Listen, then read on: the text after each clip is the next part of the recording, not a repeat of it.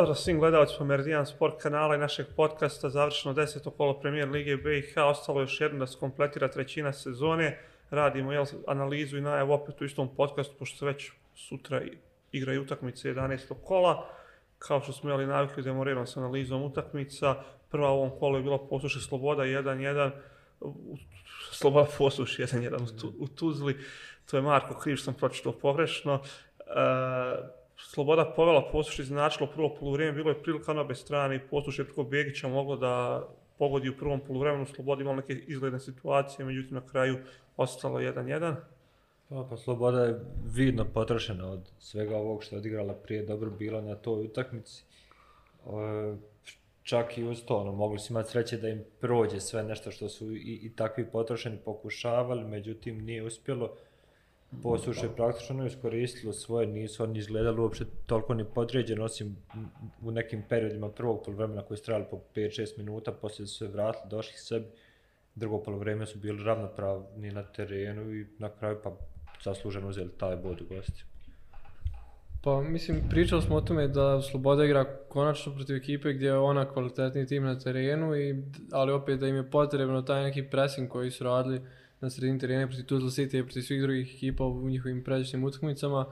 I istakli smo baš da, im, da je za to biti ključno koliko će imati snage nakon te utakmice tri dana prije protiv Tuzla City, a mislim da se pokazalo baš to sad da oni na čisti kvalitet ne mogu tako lako da izguraju ni ove utakmice sa takozvano slabijim ekipama, e, odnosno da im je potrebno i u tim utakmicama gdje su oni, gdje su oni favoriti na papiru da pokažu isto, istu onakvu igru i pristup kao što je to protiv neke od jačih, jačih ekipa. Mislim da protiv posušja nije bilo upitno to da li oni imaju želju da tako igraju, odnosno da li su bili spre, spre, spremljeni da tako igraju od strane Mladena Žižovića, već više da je pitanje što ti kažeš koliko su snage imali, koliko im je ostalo još energije od te utakmice i da je to prisudilo što opet posušje dobro iskoristilo, drugi nerišen rezultat u nizu i mislim da, da je to već ok učinak za novog trenera životinjsko carstvo na tušnju ova polovremena, meni najinteresantniji dio ove utakmice.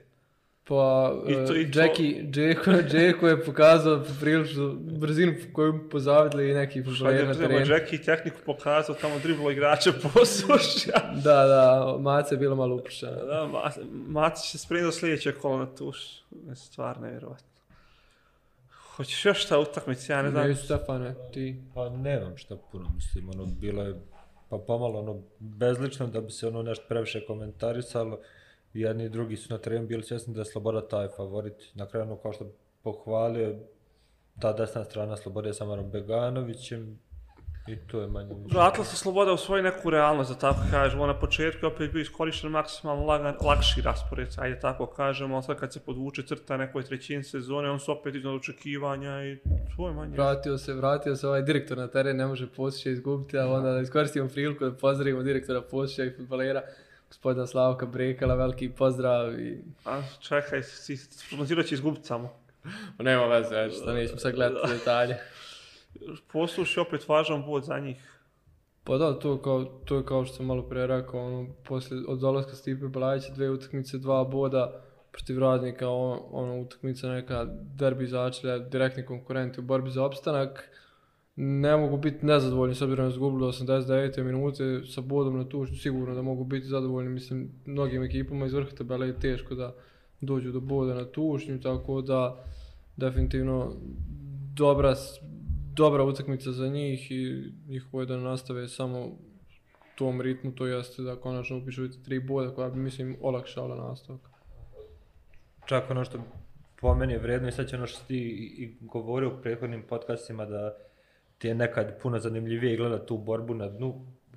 Sad u ova dva zgurana kola što su bila, što su odigrali Maltene sve utakmice u 4-5 dana, sve utak, ekipe su igrale po dvije utakmice, veliki broj bodova sa svoje ekipe upravo sad na i odmah smo osjetili tu energiju dole kako se pomjera puno više nego što se na vrhu pomjeralo, pa možda su nam i oči sad trenutno, trenutno više tu, ali lijepo je svakako gledati da i posluš uzima te bodove, da je radnik konačno uzeo tri boda, tako da i, i da možemo to očekati u narednim kolima, znači da ne možemo više otpisivati kao što smo u nekim prethodnim ovaj, prije vremena, odnosno prije što utakmice počne pisivati neke ekipe. Svako, svako može dobiti u ovom trenutku, tako da. Pa konačno je došao taj trenutak, no, ali nije ga bilo dugo u Premier League, manje više.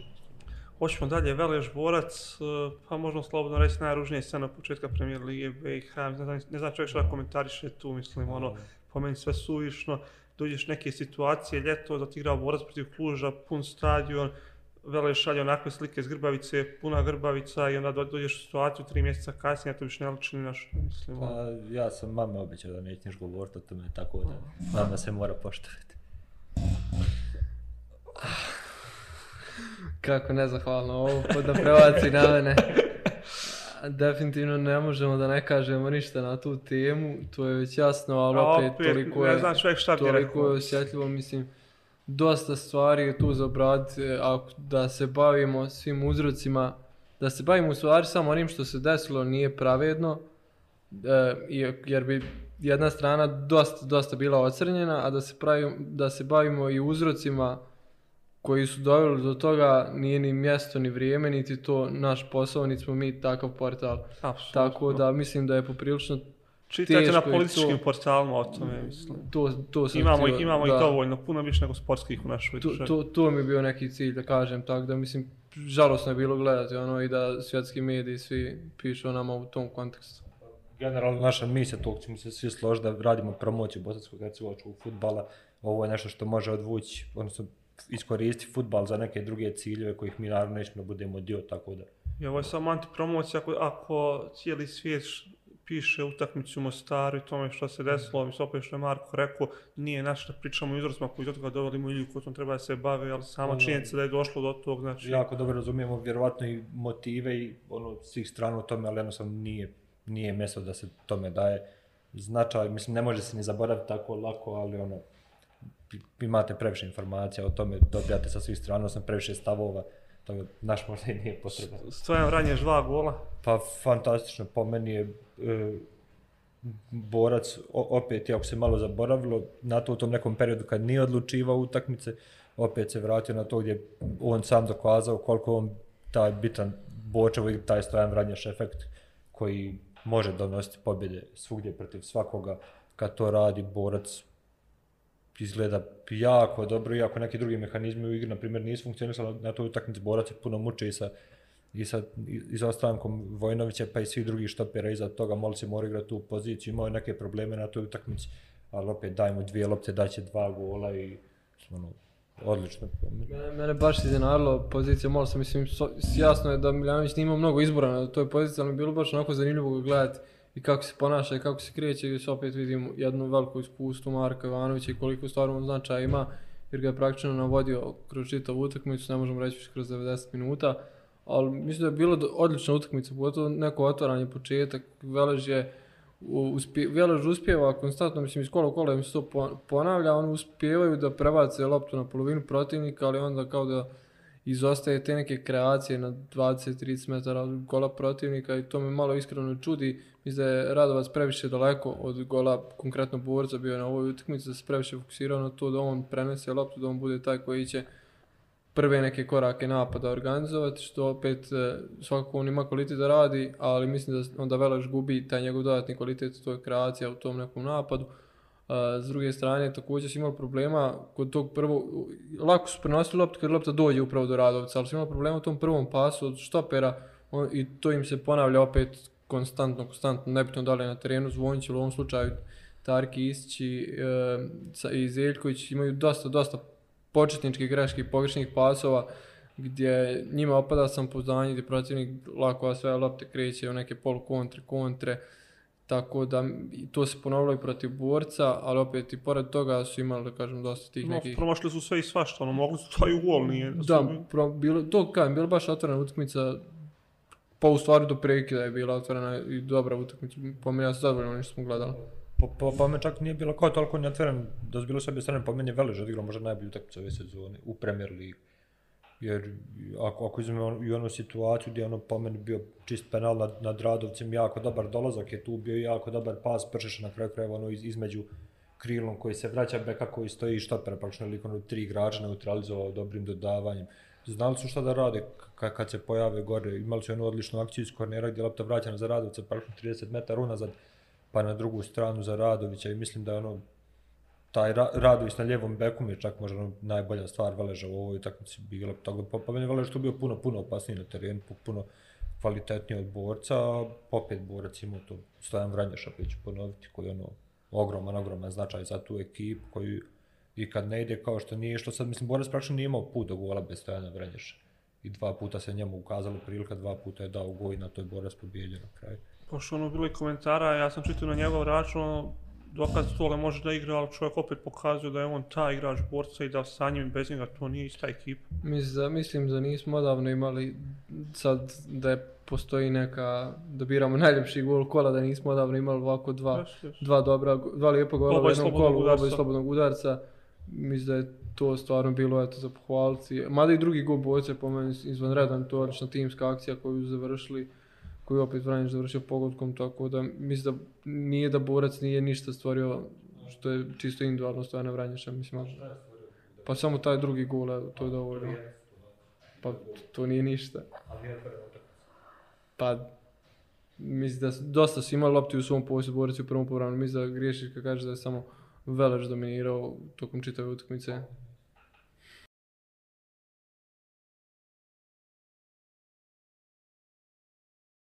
Ukrao smo šlagvorst za najavu Leota Rudar, ovom pričamo oko posuše i donje dijelu tabele, kad je Rudar dobio posuše vamo u Prijedoru, baš izgledalo da se Rudar odvojio od ovih dole ekipa posuše i radnika i da im slijedi, što se kaže, makar na 4-5 kola nekog mira, a onda se desi da Leotar dobije dvije utakmice u direktnom meču dobije i Rudar, da posuše uzme sad bod, da radnik dobije Zrinski i eto Rudara faktički na bod od zone ispadanja.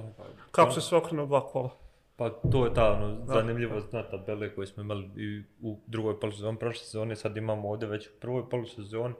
Leotar je konačno, po mojom mišljenju, dobio tu posljednju trećinu terena sa Asimom Zecom, koji je u, u odličnoj formi i pokazao je stvarno podsjetio na one prošle njegove dane, da je to igrač koji kad je u formi, njegova ekipa može svašta da pravi.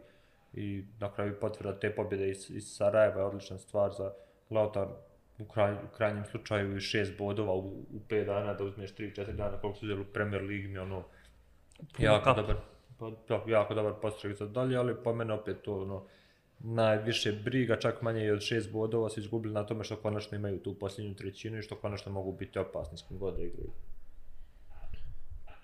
Pa da, Leo ovaj drugu pobjedu u nizu. Samba Leo. Samba Leo, da, baš tako. E, sad ima situacija na tabeli po, odlična po njih i dosta je onako, nismo imali prenos e, na TV-u pa je teško i nešto reći samo utakmicu, ono što sam vidio skraćenih tih nekih highlightsa jeste da je Rudar napravio dosta grešaka Sad u i svojoj polovini, konkretno i sa Diku, i ne samo oni u sredini terenu dosta izgubljenih lopti, koliko mi se čini dosta i prekršaja na u prvom poluvremenu vidio sam da je bilo po statistici, tako da mislim da se, djelujem da se nije igralo previše nekog atraktivnog futbala, da Lautar prilično iskori, dobro iskoristio sve što im se otvorilo, pored ta dva gola imali su dosta šansi, znači da su otprilike brzo, uh, isto što sam vidio na highlightsima, da su brzo reagovali po tim oduzetim loptama, da, da, da su dosta dobro radili transformaciju iz odbrane u napad, tako da Rudar opet najviše što je prijetio, prijetio je preko e, Santosa ili što bi vi rekli Claris Marija, fantomska asistencija Santosa. da, fantomska asistencija Santosa, dobro, on je asistirao asistentu, Ha, da. da, Jamoa, Santos Jamoa, tu negdje na toj utakmici najviše prijetnje u redovima Rudara, kao i Mandić opet, kao, mislim, pokazali su jasno šta je njihov najveći kvalitet, šta je njihova najveća mana i to sad već svaki protivnik zna, samo je pitanje ko će to i koliko zaustaviti, odnosno iskoristiti. U principu, ono, da, da imaju taj nedostatak mana, ne bi bila na, na tabelu upravo to zadržava, a ti kvaliteti koji imaju, ono, daju im š, ovaj, š, š, nadu praktično da mogu da igraju sa svakim i to, ono, ta opet, sami ističemo prednosti dna je što imamo sad te ekipe na dnu koje, ono, pobjeđuju na Koševu, e, koje ono pobjeđuju, oni su zamalo pobjede i Borac koji je prošli sezonski šampion, odnosno su igrali nerešeno sa njim obje ove konkretno i poslušaj pobjedi, tako da ono, hvala na ovoj sezoni. Nezahvalno komentar ste kad nemaš mogućnost da gledaš na dva minuta highlighta ti što možeš da vidiš. ono što sam ja vidio, Leotar je bio puno bolji na terenu, pogotovo u nekom nastavku, manje više sve one šanse koje su imali na highlightsima su bile Leotarove, tako da ono, mogli smo da vidimo što mi je poslao naš dopisnik iz Trebinja manje i više, tako da opet smo imali jednog čovjeka na preskonferenciji u, u Trebinju, samo naš portal, se dešava da neki drugi nekako fantomski imaju to sve isto, ali dobro. A, čak na kraju ta greška sa Diko, ovaj, ja sam tu situaciju pomenuo jer je bila na kraju utakmice, Leotar je baš visoko ste u tom trenutku, što isto ono pohvalno. Ono su više neočekivano nego pohvalno, ali pohvalno u istu ruku, da u samom finišu koji je to bio 87 minuta da, da uzimaš loptu. Koliko je ti krivo što Dragan Risić nije dao u onoj situaciji, a milimetri su falili. Od 1 do 7, 17. Hoćemo dalje. Ra radnik Zrinski, Ni- nema adresa. Pa u okviru futbal, i, ovaj, pravila futbalske igre radnik je pobjedio Zrinski 1-0. Obećao da ću biti u dresu radnika ako dobiju, ali nismo se snašli u kratkom periodu. Izvinjavam se, ako nam pošlje koji izbiljeni dres, ovlačimo dres radnika u nekom od narednih podcasta, makar ja. Mislim, gospodin Vlada Jagodić je sam na kraju kreva najbolje opisao igru iz te perspektive. Igru ne treba gledati, igra nije bitna. Sad opet, e, to ne ostavlja šansu nekom da natjera sebe da gleda radnik u budućnosti, ako je to filozofija, ali opet radniku su puno potrebni bodovi nego igra. Radnik je pobjedio jednu od najboljih ekipa u ligi, tako da ono, može im se samo čestitati na tome načina koji su pobjedili. Imali su sreće, ali za pobjed Zrinski svakako trebaš imati sreće. O futbalu se tu sa strane radnika nema šta puno pričati. Mislim, jer što oni sami kažu, Zrinski ima očigledan ono problem i terena i svoje koncentracije u završnicu, stalno su visli gore, nisu uspjeli dati gol, tako da ono, i to je nešto na čemu se može raditi. A moralo se i vratiti negdje radniku, stvarno, ako je neka ekipa stvarno primila neki golova u finišu utakmica i u posušu gdje im odoše tri boda u nadoknadi, ono, da im se bar negdje vrati, vratilo im se tu, to tako obično i bude na Da, kraju. pa, ja sam neku ruku zadovoljan time što je radnik pobjedio nekog, obzirom koliko su bodova izgubili, ali nisam naravno zadovoljan i mislim da niko ko, ko prati ligu nije zadovoljan načinom. A kako očekuješ da radi drugačije dobije Zrinski? Ali okej, okay, Zrinski nikako drugačije. Ali ono, više bih volio da su im se utak, bodovi vratili u utakmici s nekim ravnopravnim gdje će nadigrati tog ravnopravnog pa ćemo moći uživati u toj utakmici ovdje baš i nismo mogli. Kako ti znaš, možda da je Ferguson gledao utakmicu, možda bi on uživao u igri radnika, šta je, lijepo, lijepo, lijepo igra, to ovog posmatrača, lijepa igra, mislim, šta radnik je odigrao baš lijepo. Ljepota, ljepota je ovako posmatrača. Tri boda, da. Lijep, lijep ljudi. Mislim, najveće iznenađenje kola definitivno e, radnik je iskoristio jedini način, taj što smo rekli da dođe do pobjede, došao do pobjede i sa Zrinskom ne može ništa nego da se okreće novim utakmicama, da plače za tom ne vrijedi. Radnik po dobar momentu, znači ne može bolje pred sljedeće kolo, s obzirom da je sljedeće kolo također jako bitna utakmica za njih. Njima je možda i bitnije da pobedi direktno konkurenta u borbi za opstanak. Što naravno znači ova tri boda protiv Zrinskog, priključili su se tim ekipama koje se nalaze oko zone ispadanja, tako da otvorilo se sve tom pobjedom radnika u Bijeljni. Ti ja sam vjerovali u njih, ti malo više, stvar puno više ozbiljno, ja sam se bio zadovoljan daju got, istočki da je rekao kec. Ja sam vjerovao u, u radnik i u vladu, tako da to mi se vratilo. Ali se Zrinskom opet dešava taj problem realizacije, nevjerovatno je da ekipa stvara toliko šansi, ali ne može postigne gol, ono, poslušu nisi dao gol iz toliko, toliko šansi protiv radnika, opet nisi sad imao ne znam kakve, ali si imao dosta šansi, imao 7-8 polu šansi, 16 udarci, ali ne možeš daš gol. Dosta sam pohvalio radnike evo ovih par minuta, samo malo da se okrenu nešto što smo rekli u svakom podcastu, mislim da je značajnu ulogu u tome odigrao teren u Bijeljni. Mislim da bi Zrinski na nekom malo boljem terenu iskoristio barem neku od onih šansi koji su imali, jer uh, par puta su odigrali taj neki dupli pas i lopta u prostor išla oko 16 metara gdje već dođe do penala i praktično bi igrač imao situaciju 1 na 1 sa golmanom, ali zbog terena mora zastati gdje onda okrenut leđima od gola, eh, gdje ga stigne odbranbeni igrač i onda dosta teže i šutirati i onda je nekon, ako je lopta u pokretu nekontrolisan šut, eh, mora prvo paziti kako će ona skočiti, gdje će skočiti da je uopšte ne promaši. Mislim da je to jedan od razloga zašto Zrinski nije postigao pogodak. To je pravi domaći teren. Tušanj, police, gradski stadion Bijeljni, to je izazov. Pa boga mi, ja što lopti rudarem nekako nije djelovalo najsjajnije. Aj, Bram Folce. Pa, renovira, renovirale su se prije, renovirale su se prije početka Premier Lige. Kako je bilo dobro? Ispadaju oni buse, ni trave. Jeste izbijeljeni ili strabinje, majstor? Ni izvjelje, ni istrebinje, ja nisam. E, govorim objektivno, mislim, Nisi još. konkretno, da, konkretno, uh, stadion u Trebinju je bolji nego Tušanj i u Bijeljni, što smo govorili malo prije, tako da sam malo da stanem na stranu Leutara. Znaš šta se zanimljivo, što su svi gore glavni konkurenti iz Rinski Tuzla izgubili u ovom kolu. Da, ono, ali morali su jedno, manje više, mislim nisu morali, glupa je priča, morali su, ali jer bilo je za očekivanje da će se desiti, čak možda ono, veća mi je stvar to što se široki, široki breg i radnik pobijedili u ovom kolu, možda čak u- uz to što su izgubili baš te dvije ekipe uspjeli pobijediti i taj problem svog nepobjeđivanja. A znaš šta je fora, mi smo se počeli da ovih vel, e, teorije velikih brojeva i teorije vratnoće u zadnjih par podcasta i stvarno se okreće Leotar dobio u Sarajevu, ovdje Zrinski, ali nije izgubio od Banja Luke i kraja, koliko smo pričali, 14-15 utakmica bez poraza, Vlado Jagolić druga pobjeda na klupi radnika nakon serije mečeva bez pobjede, očito ko ima neki loš niz, to se okreće. Da za široki uopšte vlaznije kući nije dao dva gola na nekoj utakmici.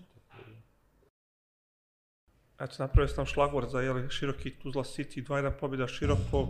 Imali smo neke kritike da pocijenjamo široki, ko će da brani A široki čekaj, nakon ove pobjede. čekaj, jel mi, jel mi kad malo prije spomenuli široki radnik, znači mi pobjedu širokog protiv Tuzla City, a svrstavamo jednako pobjedu radnika protiv Zrinskog.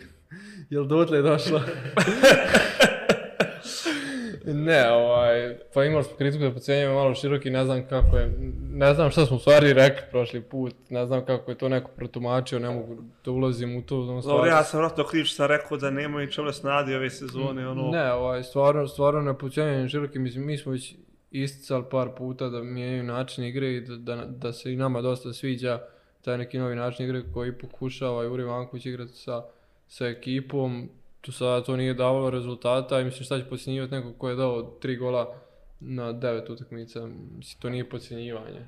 To je realnost. Da, praktično mi pričamo ono što vidimo na terenu, tako da ono, to što se tako ne sviđa, što mi nismo zagriženi navijači širokog brega ili bilo šta, mislim, ono, Bilo bilo koji klub u BiH. da, praktično, ono, možda neko od nas je navija za neki klub, ja lično navijam, ali pre- prema tom klubu sam najkritičniji čak u ovome ovdje, tako da, ono, i svako od nas, manje više klubove koje favorizuje, naj, najviše kritika upućuje upravo njima, tako da, Ti radi kaj še voliš. ja sam iz Bijeljnova, imam curu u Bijeljnova. nastav, nastav. Ono što se širokom pojavilo, što je bio generalno problem, Široki nije znao kako da napadne bilo koga, sad Široki ima Tonči Mujana koji sam zna kako da napadne bilo koga, kako da rješava situacije i protiv jednog i protiv dvojice na lijevom krilu, tako da praktično dok on igra ovako Široki treba prebaslop na lijevu stranu, što su i navikli Radok i Jurilj bio na lijevoj strani, tako da već znaju kako se lopta prebacuje na lijevu stranu i onda ono, mislim, daj Mujanu, idi u trču kornir slav go, tako da tako izgledalo na ovu utakmicu protiv Tuzla City, manje više izborio je penal, odličnu asistenciju i na kraju za, za Lukića i ono, mislim, to, to je sve što je falo širokom da napada, to nazad nije izgledalo toliko loše, široki nije davao, nije ni primao puno, tako da to nazad su stabilili, počeli su napadati, sad, sad možemo već pričati o igri širokog do sad je postala samo u jednom smjeru, to je bila defanziva, sad je, sad je ima i konkretne u ofanzivi, tako da u budući nećemo vjerojatno pocijenjivati široki. Isto kao što smo rekli za Rudar, oko za dva kola se sve okrenulo dole, eto Tuzla Zrinski izgubili, ako Borac dobije za ostalu tamo protiv Tuzla, eto Borca na par bodova od Tuzla i Zrinskog, tačnije šest od Tuzla pet od Zrinskog, kada bi dobili za ostalu. Pa da, tamo imaju utakmicu manje međusobno Tuzla City i Borac, ali opet za sve je rano pričat. Rano je potpisat bilo koju ekipu iz te borbe za vrh. Mislim, to ono što ponavljamo staro što je postalo floskula, tako da ne bi se previše još uvijek osvrtao na tabelu. U BiH ligi, to je premier ligi BiH, tri kola i sve se okrene. Pa očigledno, mislim, zato je i najbolja na svijetu. Yes. Upravo to nismo rekli na tri podcasta, najbolja liga na svijetu, eto, kome nije jasno, samo neke gleda i to je to. Hoćemo dalje, vječici derbi zatvorio deseto kolo premier lige BiH, 2-0 pobjeda Sarajeva, potpuno zasluženo, prekrasan gol Vodula iz slobodnog udarca. Mali bodul na vrhuncu, mislim, ne samo to, ono, kada ga, kad ga gledam na terenu, koliko se nervira u stvari za svoje saigrače, onda shvatiš stvari koliko je iznad kvalitetom, iznad Premier Lige Bosne i Hercegovine, a stvarno je tako, mislim, sto, partija Sarajeva, rutinska pobjeda protiv Željčara, gdje opet Željčar dosta, dosta loš e, kvalitetom limitira, Mislim da nije presudila ni želja, E, ni htijenje ili neka taktika koliko je presudilo čisto, čisti kvalitet Sarajeva koji je znatno veći u odnosu na željezničar i onda dođe tamo Slaviković posle utakmice i kaže da su, do- da su dominirali, da su bili bolji protivnik. Ne znam u kojoj utakmici, u kojem derbiju, jedine šanse koje su stvorili, stvorili su posle greške Sarajeva. E, to ono 0-0 da su koristili, da je boje poslije pogledak možda bilo nešto od te utakmice za njih, ovako stvarno nisu imali e, mogućnost da ugroze Sarajevo, osim neke eventualno velike greške koja je poprilično onako karakteristična za Sarajevo i pojedine igrače. E, ja bi samo pozvao sve ljude da urade ono što sam ja sinoć uradio, nekad baš kasno, pošto imam inače problema sa spavanjem, pogledao sam Instagram profil Darka Bodula i sve stvari koje je do sad radio, sve, sve su dostupne manje više ima istorije na Instagram profilu, odspavao sam 12 sati ko bebu poslije toga. Poslao sam Igoru našem naravno, isto i on imao vrhunske impresije, tako da eto, uradit ćemo besplatnu reklamu Instagram profilu Darka Bodula. Je li ovo realna slika željezničara? Meni jest Pa jest, Meni je ovo to. baš najrealniji željezničar, najrealniji futbal Tomislava Ivkovića. Pa ne znam, pa o njemu se isto nema šta pričati zato što on, on, on kao, kao nešto jasno i nešto vidljivo i nešto opisivo ne postoji na terenu. Već je praktično sve ono na, na nivou demagogije, sve na nivou nismo ti, nismo ti, pa imaš roster igrača koji imaš to sve profesionalni futbaleri na kraju kreva. Svako od njih ima svoje prednosti, mane, E, niko mene ne može ubijeti da je Luka Juričić loš igrač, da je Petar Bojo loš, on ne loš, već da su igrač s kojima se ne može nešto igrati.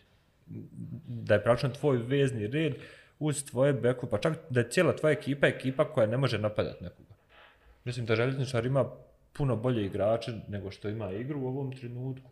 E, ja nisam uopšte tog stava da željezničar sad ima neka, neku nikad lošiju ekipu. Možda nema dobru koliko, koliko su imali nekad prije, ali ekipa željezničara ono, za Premier ligu u ovom trenutku nije ekipa koja se treba unaprediti predavati, ne odigrati ništa protiv nekih protivnika, željezničar malte ne u posljednje vrijeme ne igra ništa protiv nikoga, tako da ono, to je meni primarni problem.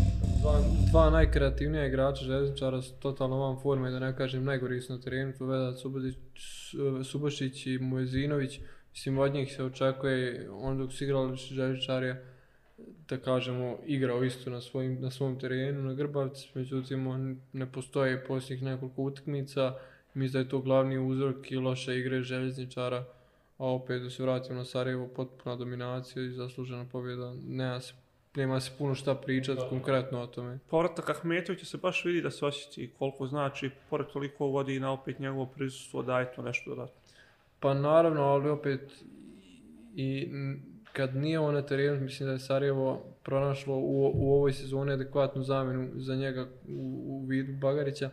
Za razliku od prijeskodne, sam- mislim da Mešanović prošle sezone nije donio ono što su oni očekivali, nije uspio zamijeniti Ahmetovića, što je naravno nije ni lako, jer svi znamo kakav je Ahmetović igrač, ali zanimljivo da je već jednom dao skoro pa identičan gol željezničaru Mersuin Ahmetović, tako da nisam ovaj put prognozirao da će Mersa dati gol, ali Ja ne mislim samo igrač, nego i za slačioncu i za sve samo njegovo prisustvo. Ja, to je tako, on je po meni baš lik kojem se vjeruje, ono sad njim bi u Papa Novu Gvineju sutra krenuo, tako da ono, Kapiten bez trake. ne. Znači, Marko kaže kapiten bez trake, nešto je Ahmetović, hvala.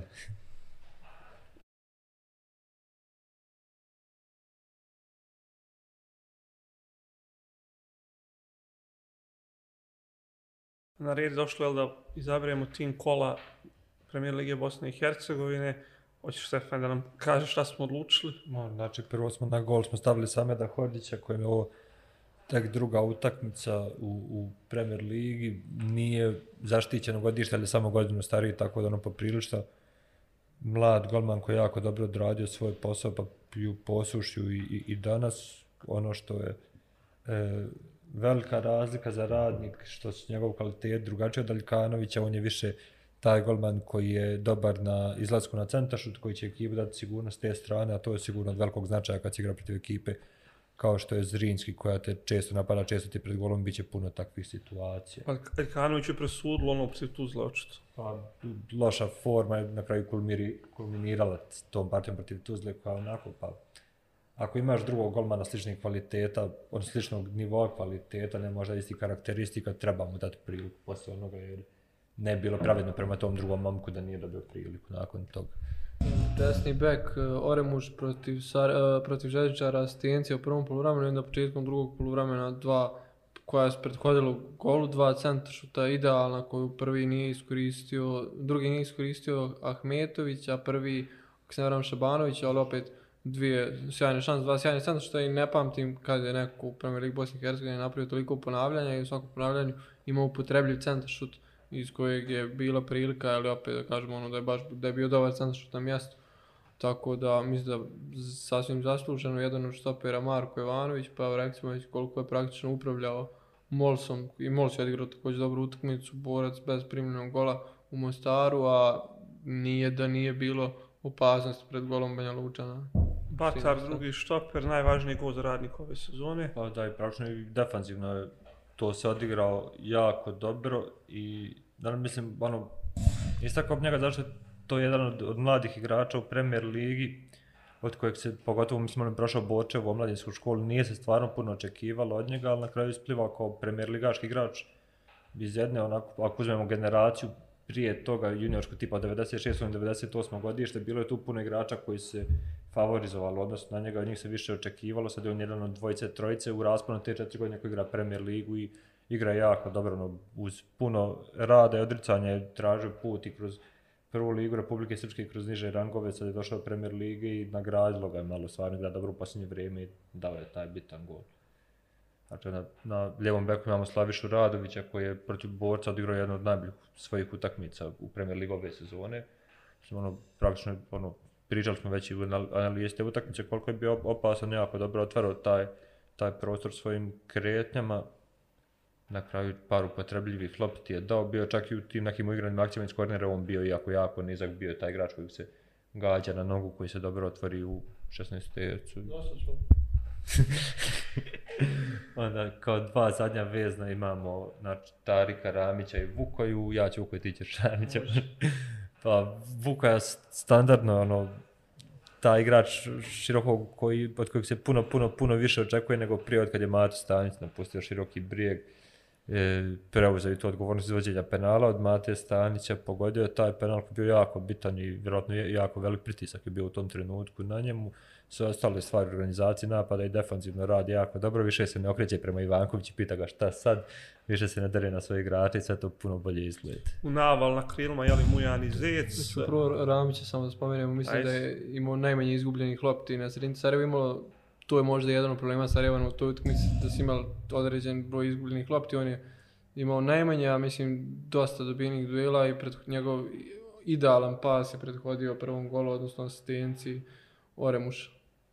No, rekao sam ti navala Mujan i Zec, ćeš ti komentarisati krila? Pa može, može u Zec pogodak iz penala protiv, e, protiv Rudara i pored toga, prema riječima našeg dopisnika, da je bio najopasniji igrač Leutara, a i vidjeli smo u ovim highlightsima koliko u stvari znači u igri. Znam da je dočekaš za, za Mujana, izvoli. Pa, ja bi za obojicu samo, mislim, ono, koji je razlog? Razlog je taj što su u, ovom kolu su dokazali da su donijeli posljednju trećinu ekipama koji su imali problem sa napada, napadanjem protivnika do sad. I ono, to je ogromna promjena za, za dvije ekipe koja u, u najvećoj mjeri zavisi ta dva individualca, tako da... Ono, Gore Bodul, pa Vranješ. Ma, šta reći? Šta reći, mislim, ono, samo ta dva gola kad se kad se pogledaju dva stvarno velika majstora Premier Lige, dva igrača ono koji koja kad igraju ovako za ovu publiku na stadion praktično i bez, pričali smo prošlom koliko, koliko klub ne radi marketing, eto imaju sad i, i Borac i Sarajevo imaju igrače koji, kojima treba dati platu i za marketing, ta besplatni praktično koji radi, treba ih za to početi plaćati, to su ljudi koji za ovu publiku na stadion svojim radnjama na terenu što rade i ono svaka čast i hvala vam što to radite. Za trenera kola nije bila jednoglasna odluka, ali smo na kraju glasoma većine odlučili da je Sablić trener deseto kola premijer Lige BiH, dobio ipak vječiti derbi koji ima veliku težinu, dobio ga ono, ajde kažemo, dominantno, ne može baš dominantno, ali ono. I sportski direktor kola Slavko Brekalo, posluši.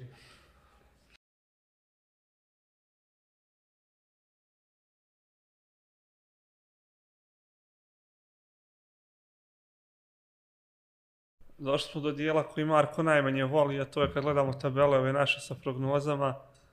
Stefan je divljio malo previše u ovom kolu, ja bih rekao.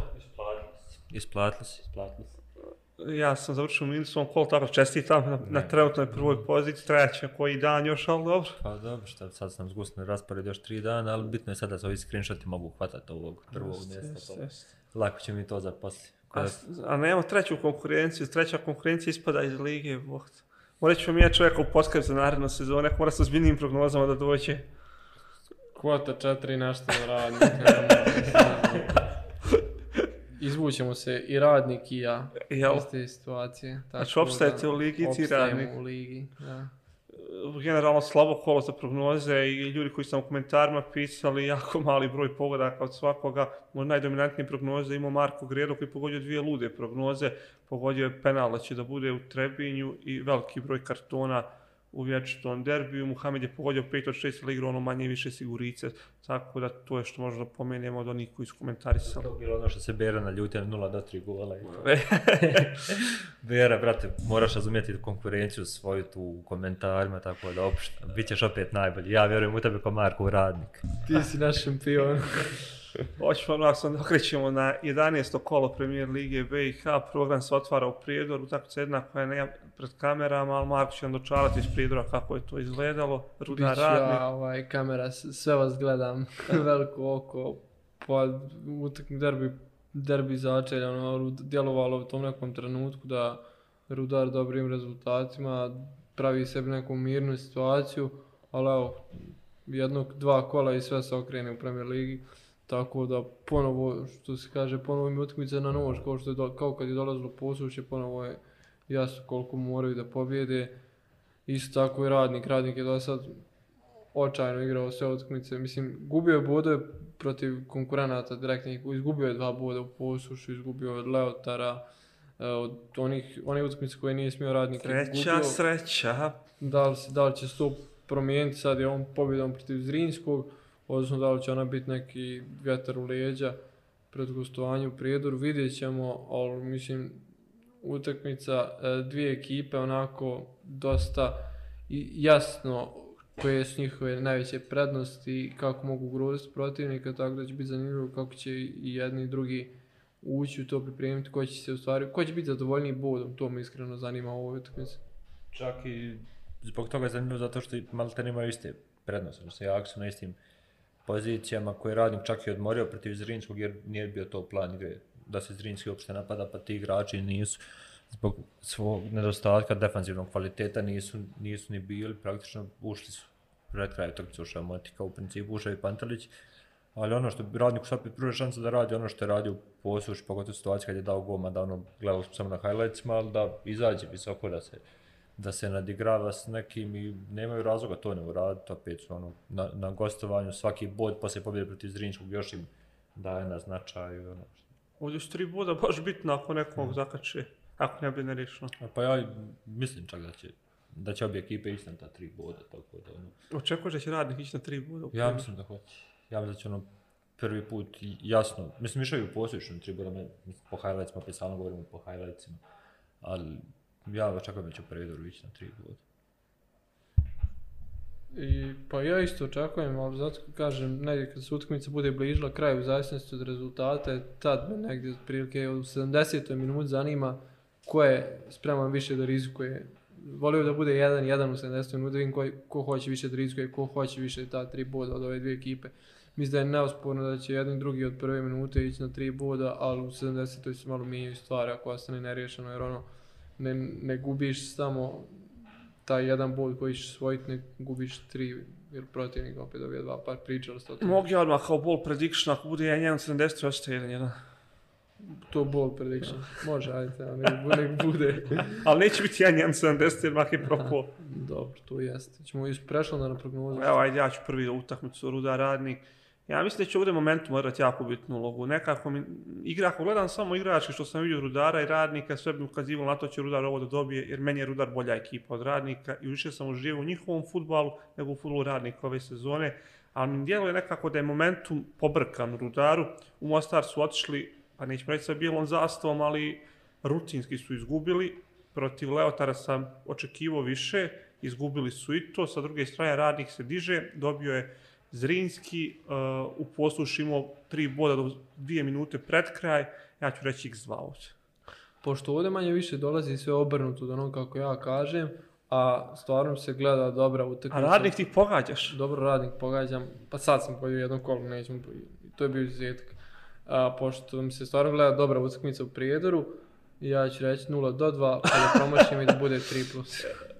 3 plus.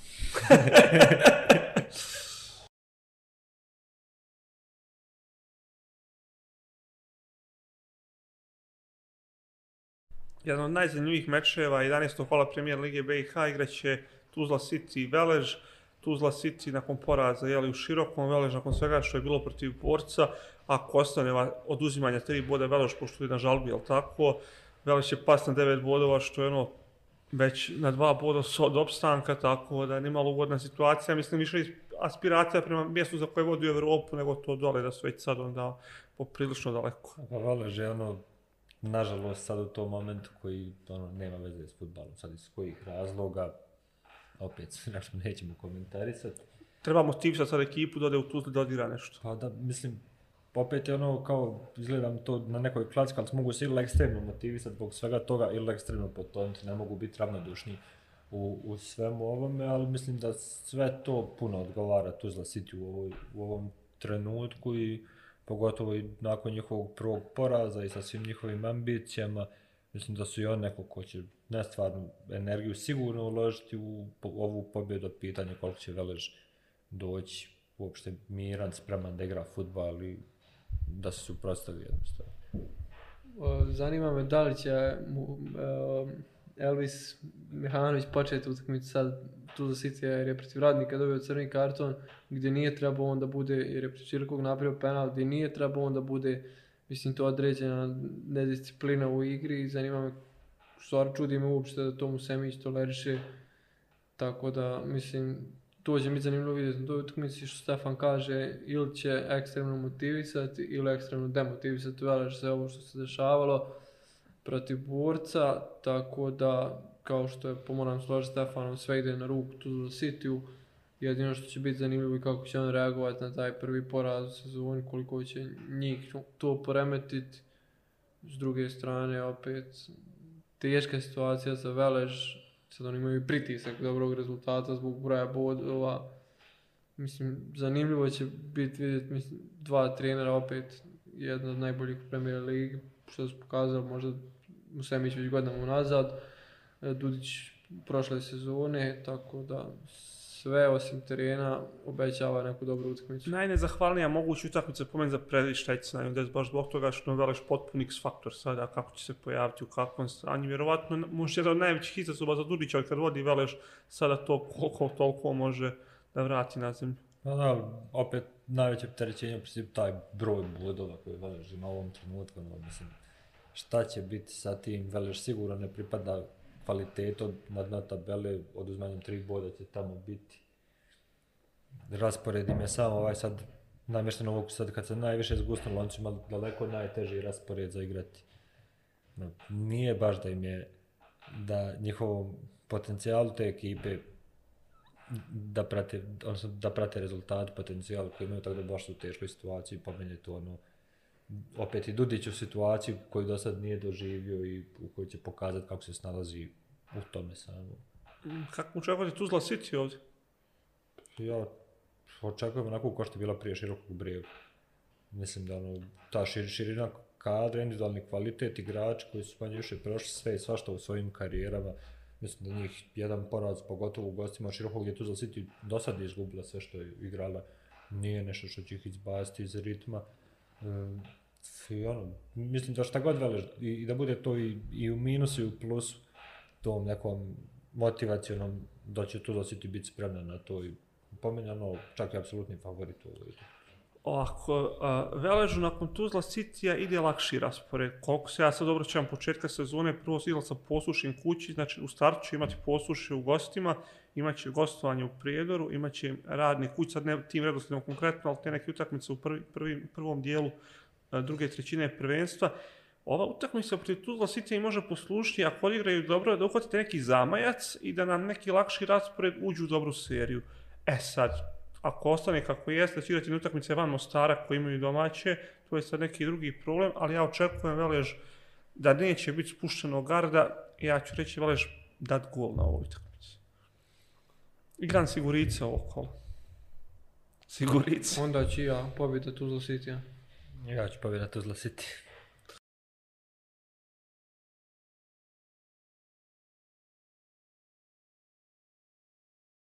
Derbi 11. kola premijer Lige BiH igra se u Banja Luci, Borac Sarajevo. E, još jedna utakmica gdje je mogla tradicija da pukne kad mi tako najavimo, kim tradicija, neki niz, Sarajevo, skoro 10 godina nije izgubu, e, ne, pardon, preko, e, skoro 10 godina Borac nije pobjedio Sarajevo u Banja Luci, mi izdeo sam utakmica igrano na gradskom stadionu i Borac u 2011. ne zna za pobjedu, da li ovo trenutak da ta serija prekine?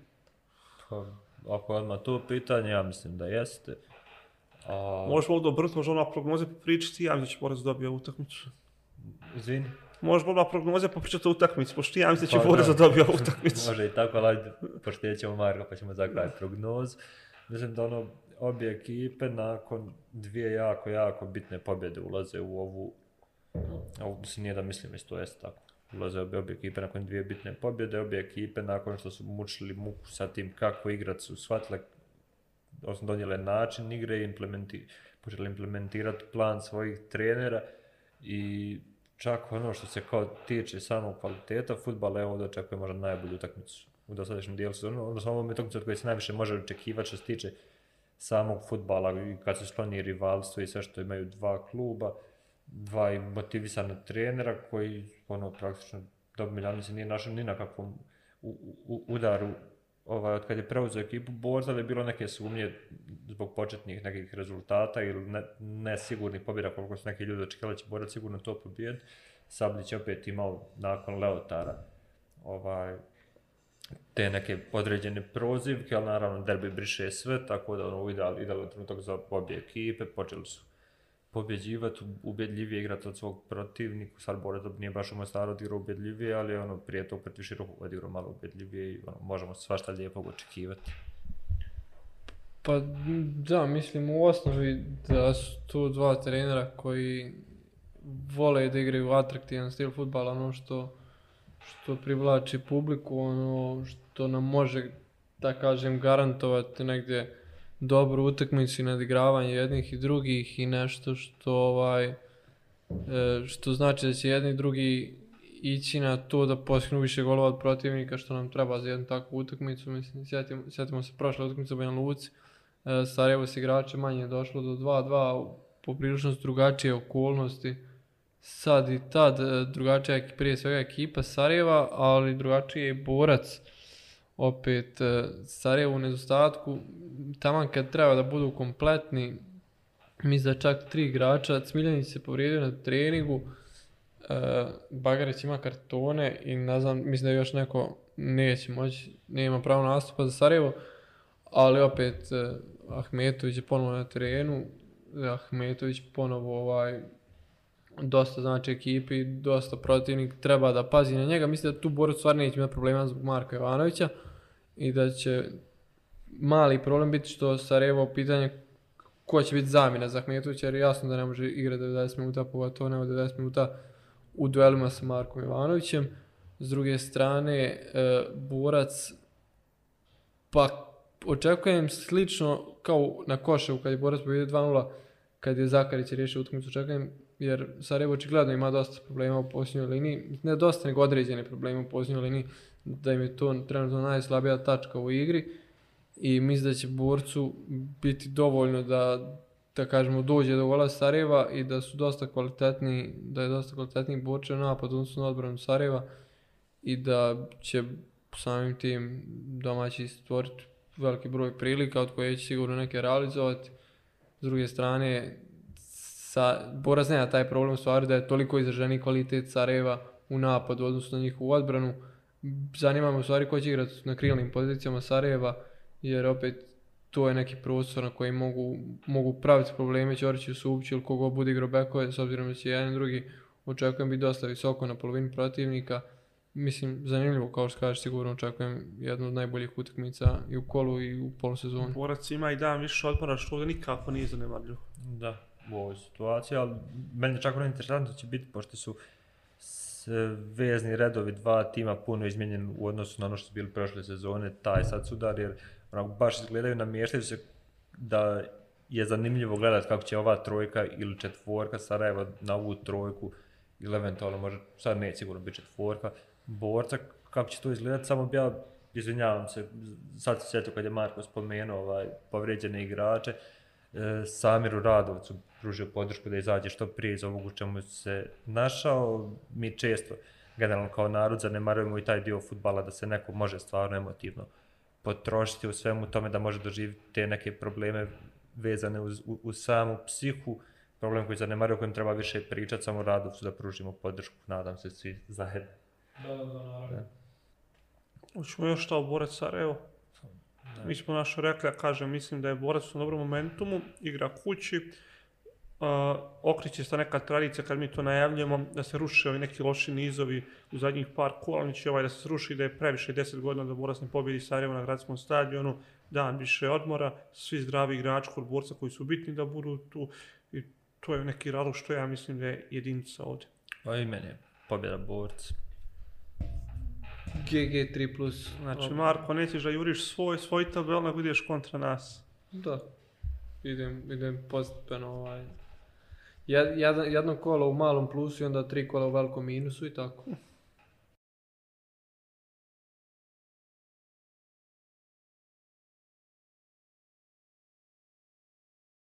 Nakon dugo godina veliki derbi u premijer ligi Bosne i Hercegovine na mokrom dvocu će igrati posluše široki brijeg. Sreća pa je u TV prenosu. Baš se bi razočarao da ovo nismo mogućni da gledamo. Za ovaj derbi živi. Ovo, ovo će biti baš interesantno. Ne znam, Marko, ćeš ti prvi početi ovo. Tebi je ovo najbliža tema, ja mislim. Ja ako počnem reći da ponovo podcenjujem široki brijeg, a ne znam, stvarno opet i, jedni i drugi, mislim, posuše dva nerešena rezultata, novi trener, široki brijeg, konačno nešto od njih u prošlom kolu, tako da pozitivan momentum i za, i za jedne i za druge donekle. I sad zanimljivo u stvari posuše nakon dva nerešena rezultata, da li će doći ono konačno očekivana pobjeda za novog trenera ili će biti nakon dva nerešena rezultata ovo poraz. Tako da, mislim da, mislim da će on biti čak i motivisani u ovoj utakmici jer su, kažemo, po imenima i po samom nekom renomeu kluba, ružno reći manji, ali outsider protiv širokog brijega. Mislim, opet široki brijeg je određeno ime u bosansko-hercegovačkom futbalu, mislim, posuši, ali opet- da se ne komplikujem više, sam sebe ulazim u priču. Široki brijeg je favorit, mislim da, da će to odgovara posuši u ovom trenutku, koje je sigurno da ima svoju šansu. Vidjet ćemo šta će biti. Ja samo nadam da će našeg dopisnika pust na pres konferenciju. Ja volio da imamo, ja volio da imamo TV prenos njega dok traje utakmica. Pozdrav Filipu. Ja, pozdrav, pozdrav našem bratu i sve ove želje danas što smo razmijenili da, da se ostvare i za široki i neke druge tako da. Pivo će navijeti za komšiju. O, o, pitanje je, ako ćeš navijeti za komšiju, obavezno nam javni, nećemo nikom reći, tako da sve, sve lektivno, mislim, komšija uvijek treba da bude najpre, Pa najpreći mislim. Komšija iznad voljenog kluba. Kako očekujete široki ovdje? Ja očekujem da će napadati. Mislim, očekujem da će na naletu ovoga, ovoga smujanom što ih ide pokušavati samo dizati njegovu formu, jer stvarno je od velikog značaja pokazuje da ima individualni kvalitet iznad možda nivoa nekog standardnog liga prosječnog, ne baš da je ono pre- prevazilazi ovu ligu, ali da je iznad prosječnog kvaliteta, da to treba koristiti, pogotovo kad nisi napadao toliko dugo, ajde sad bar pokušaj napadat pa da vidiš kako se drugi igrač ponašaju dok ti napadaš. Što ti kažeš, ja mi će stvarno poslušati biti motivisaniji tim u ovom meču, mislim ne mora da bude, ali obično kad je ovakva situacija, neki nazovemo ajde lokalni derbi ekipa iz e, bliskih e, opština, gradova, potpuno nebitno i sad poslušaj je ušlo u ligu nakon toliko godina i sigurno će biti naloženi da baš protiv širokog pokušati da ostvare tri boda, a opet obično ekipa kao što je Široki koja je dugo godina u premijer ligi i sad mogu da pocijene poslušaj, oni, oni da nas dobiju, e može to da bude prednost za poslušaj. Mislim da u ovom trenutku u kojem se nalazi široki brijeg s ovom ekipom koji ima i ovim što Ivanković radi na klupi, da u stvari uopšte iz utakmice u utakmicu i ne gledaju ko je protivnik, nego da gledaju samo sebe i, i svoju igru. Tako da mislim da to neće biti problem za široki brijeg, ali mislim slažem se s ovim s dijelom da će to biti prednost za poslušenje. Ćemo nam prognozu. 1x. X. X, X, X, X. Šta ja sad treba da kažem x za ja da e, oba tima daju gol. Oh, znači ti... Ja vidim jedan jedan u vazduhu ovako.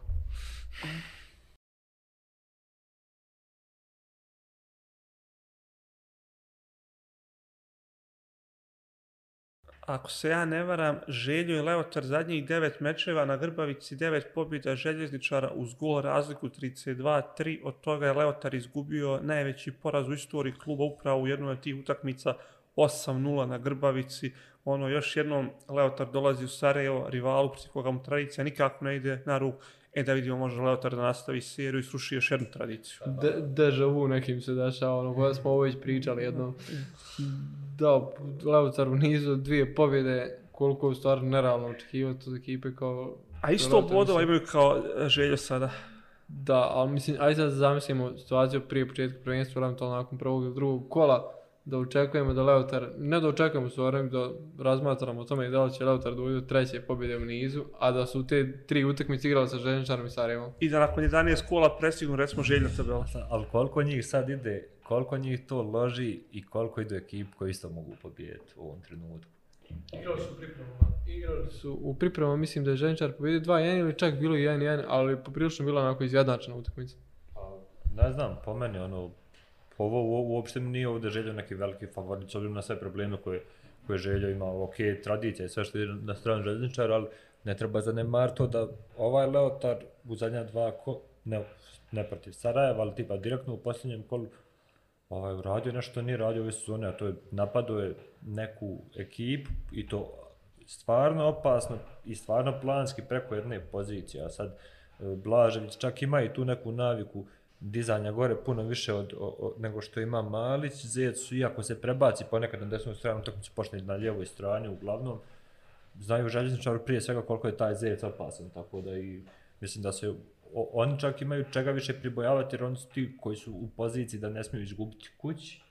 Leotar stvarno, mislim, ima svo pravo svijeta prekinuti na bilo koji način seriju dvije vezane pobjede u ovom trenutku, pogotovo zašto pobijeli na utakmicu na Koševu, a drugu protiv ekipe koja je objektivno po svim, vjerojatno po svima nama malo, malo za, ono, ovaj, za mrvu kvalitetnija od njih. Leo iz kamena niko i Leo takva ekipa nema čega da se boji, ali stvarno momentu su potpuno različiti. Leotar nakon dvije pobjede dolazi na Grbavicu, što ti kažeš, ajde što nema šta da izgubi, nego vjeruje sigurno da može, e, dobili smo Sarajevo, dobili smo Rudar, što ne bi želju dobili, a s druge strane imamo ekipu gdje je dosta, ajde da kažemo, i negativnih komentara i koji će pod pritiskom, to je fakat, to nije ništa naša konstrukcija, oni ovo ne smiju da kiksnu, Evo jedno pitanje za vas dvojicu i za sve naravno koji gledate podcast, pa nam dajte svoje mišljenje u komentaru. Koliko a, poraz željezničara od Lautara može biti pozitivna prekretnica u sezoni za njih? E, ja mislim najpozitivnija u posljednjih pet godina stvar za željezničar se može desiti da izgubi od Leotara. Ja neću da ne može nikako da bude pozitivna prekretnica za željezničar, mislim da ova ekipa nema kvalitet da se bori za bilo šta i mislim da koji god trenira ove sezone neće ispasti iz lige.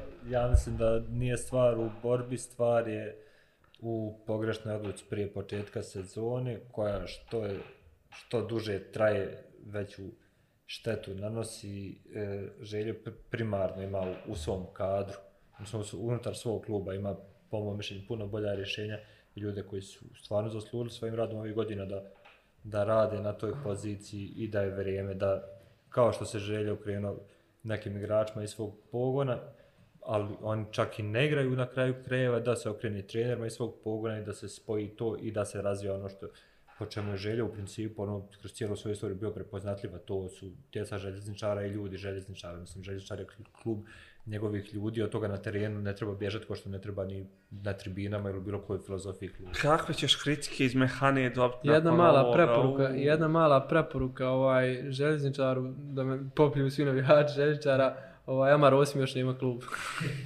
A ti misliš da to, to i u teoriji može da se desi? ne može šalim se naravno. Može da u Leotar može nekada završi, ali nadam se da i to neće biti slučaj, jer Branislav Krunić radi vrhunski posao i to je super jedna priča.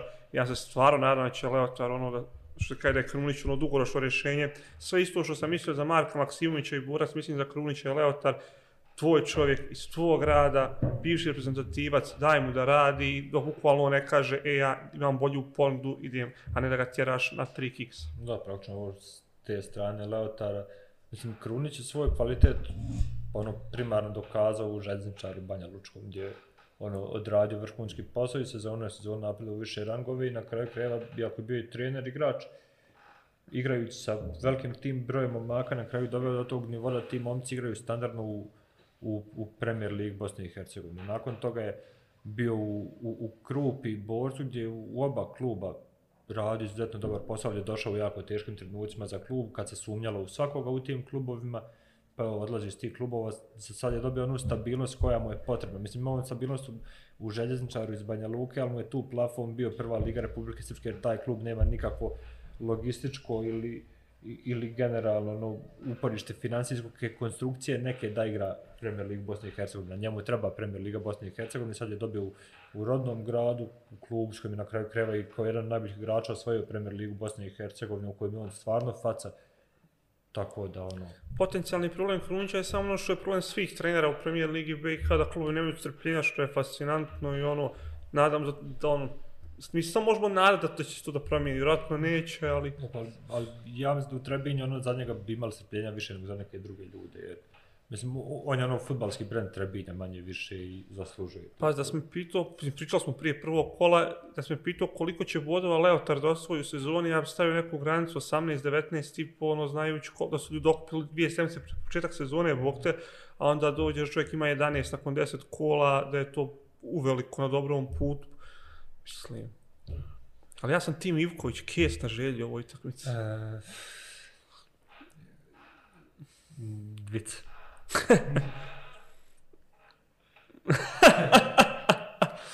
E, Šta god da kažeš, promašiš. X.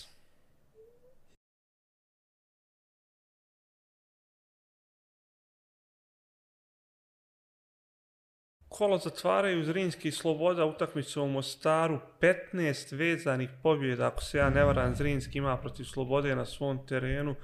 To je ono još jedna fascinantna statistika koju nalazimo samo u Premier League. U svakom kolu imamo neke nevjerojatne nizove. Ćemo opet, niko neće slobodu pobijediti 16 puta 100%. za redom u Mostaru. Pogotovo ovu Slobodu koja je četvrta na tabeli. A koliki je u stvari onda imperativ pobjede Zrinskom zbog poraza u Bijeljni, mislim koliko se moraju samo čupati zbog tih Zavisi da li će Žižović da motiviše ekipu, isto kao Krunić pred Sarajevo. Treba ući slačionicu pa reći, momci, znate li koliko smo im puta izgubili tamo za redom? Da, ali ovaj, mislim, Zrinskom se ponavljaju kiksevi protiv ekipa iz ovih dijela tabele, jak se sjetimo posuši, evo sad, evo sad ovaj radnik, e, to ih negdje, pa nije ih udaljilo zbog poraza Tuzla City, ali dugoročno može da im napravi problem. S druge strane, Sloboda, pa i oni su očekivali, vjerujem, tri boda protiv posušja, da dolaze, dolaze u Mostar gdje su outsideri, mislim slična mi situacija kako se igra protiv Veleža, Veleža koji je još uvijek tad bio onaj evropski Velež i gdje svi, gdje je Sloboda odigrala po meni najbolju utakmicu ove sezone što se njih tiče, tako da očekujem Sloboda tim pristupom protiv Veleža može doći jedino do pozitivnog rezultata protiv Zrinskog, e, neko nadigravanje samo pod bijelim bregom, mislim da se neće dobro završiti za Slobodu kao ni za bilo koji drugi klub koji igra protiv Zrinskog u Mostaru. Sloboda već jedan duži period bez pobjede. Pa da, i ne znam, ja se ovo sloboda neće moći prijeći pola. Iskreno.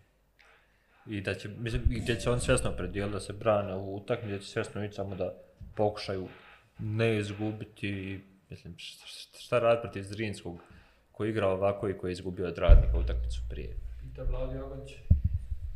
Nek nam neki Vlado to kaže, pomože Žižić. Mislim, Žižić je bio trener Zrinskog, to otprilike možda može biti mala prednost slobode, ali opet to je ono minimalno 0,1%, nemam pojma. Ako pitam Vlad, Vlad će reći nema gledat futbal, tako da ne mogu pitati Vlad Sarov, ali gledat futbal. Jedno neka konferencija u Prijedoru. ja se ne pojavljujem negdje. Ja, ja sam vozač taj dan. Šta ti Miroslav, očekuješ u Mostaru? U Mostaru očekujem pobjedu Zrinskog. Mislim, ono, ja mislim da što govori, ja u kola govorim da meni ova slika slobode nije realna na tabeli, jednostavno ljudima se namjesli tako prva četiri kola da igraju protiv najslabijih ekipa u ligi, da oni to iskoriste i dobiju sve, posle toga nisu dobili ni jednu. Meni je sloboda neki sedmi, osmi tim u državi i tu mora da se niveliše prije ili kasnije, a Zrinski, opet što ti kažeš, dolazi posle neočekivanog poraza u Bijeljni, prva ekipa koju radi dobio ove sezone i mislim da stil koji Sloboda igra neće da prođe u, u Mostaru. Pričao si o pressingu, znači ne možeš to protiv Zrinskog da igraš, a opet ne vjerujem da će najmjeć dvije utakmice da Zrinski ima 15 šuteva na gol i da ne da gol. Ja, ja mislim da je Sloboda prva ekipa u ligi protiv koje Bekić neće imati 20 centa šuteva na utakmicu. I tri asistencije, jel? Pa, Da, mislim da će on biti prvi koji će u sad dobiti protiv Veleža, to nije bio slučaj, ali Bekić nije ni igrao. Ovaj, ni protiv radnika nije igrao, pa to nije bio slučaj, ali svim ostalim utakmicama manje više jest, mislim da će Sloboda ići svesno da to zatvori, pa onda ajde šta bude, ali ima Zrinski pored toga je stvarno puno kog gdje ih ugrozi. Mada meni ono, ja sam bio apsolutno saglasan sa tim da Sloboda je taj kao overachievement radi cijele sezone, ali malo smo poremetili tu kad se odigralo onaj predsjednik protiv Tuzle City, ja sam tu dobio neku nadu, on stvarno, stvarno to kao mogu, ali Zrinski nije ekipa protiv koji će im to puno pomoći, jer Zrinski ima baš dobre mehanizme rješavanja stvari kroz sredinu terena i ta visoka podizanja, oni praktično onda mogu se dovesti u situaciju ako se odluči na taj pressing da će odluka gađa dijagonalom Bekića, ta će prebaciti nam igrača, već i bit će baš ono već. Zrinski nije ista ekipa na svom terenu, na svim ostalim terenima. To je ono, napraviti mim, kako bijed Zrinski, mi govorimo nikako, i ono dođe Vlado i radnik, aj sad se pomerite. Tako, mislim, i ja očekujem dominaciju Zrinskog protiv Slobode, a- apsolutno, ali ne kao vi, toliko da mislim da Sloboda neće prijeći, konkretno ti, da Sloboda neće prijeći centar. E, vjerujem da ukoliko uspiju neutralisati Zrinski u svom 16 da će biti izuzetno opasni kao što su ostalom bili protiv Velaža, tako da mislim da dosta toga zavisi od toga da, od tog činjenice koliko će Zrinski iskoristiti e, šanse u prvom poluvremenu i da što utakmica bude bliža kraju da će i Sloboda imati više prilika za kontranapade. Mislim, jasno je da će samo preko kontranapada mogu ugru Zrinski, to je sigurno. Mislim da će Mladen Žirović morati sačekati narod utakmicu u Mostaru pa da kaže momci niko 17 puta neće dobiti slobodu u Mostaru, kec na Zrinski. 0 do 2. A ja ću kec isto.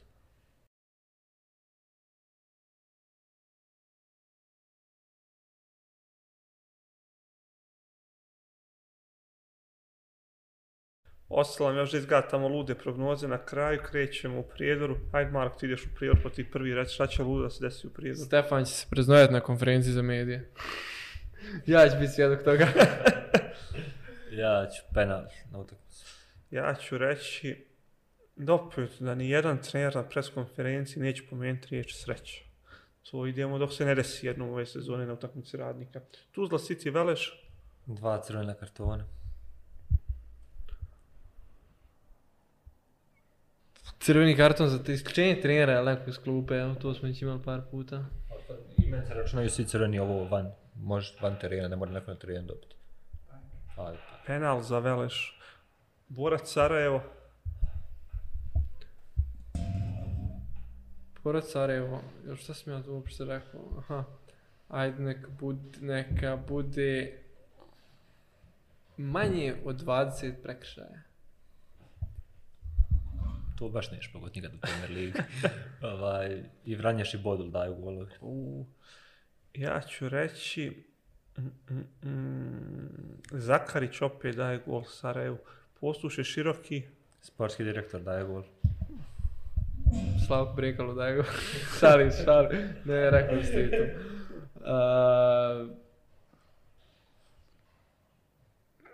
ne znam. Crven- Tačan rezultat 1-1. Tačan rezultat 1-1. ja ću kažem da će biti crveni karton na utakmici. Uh, Željo Leotar, E, autogol. Ostavka Tomislava Ivkovića. opa, opa, Mujezinović daje gol. Dobro. Jel idemo dalje? Zrinski, Sloboda. Bilbija dva gola.